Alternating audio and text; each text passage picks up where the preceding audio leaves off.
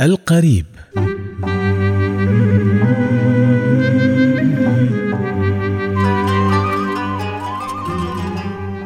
عايش بوحشة؟ أعز صديق خذلك؟ ولا تحس بينك وبين أعز الناس حجاب وما قمتوا تتفاهمون مع بعض؟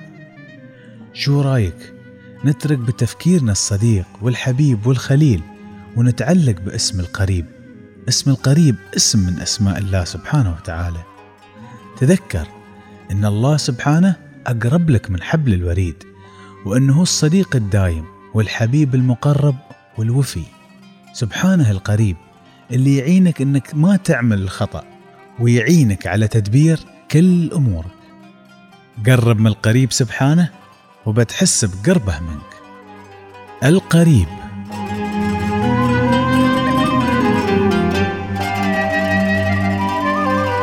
Música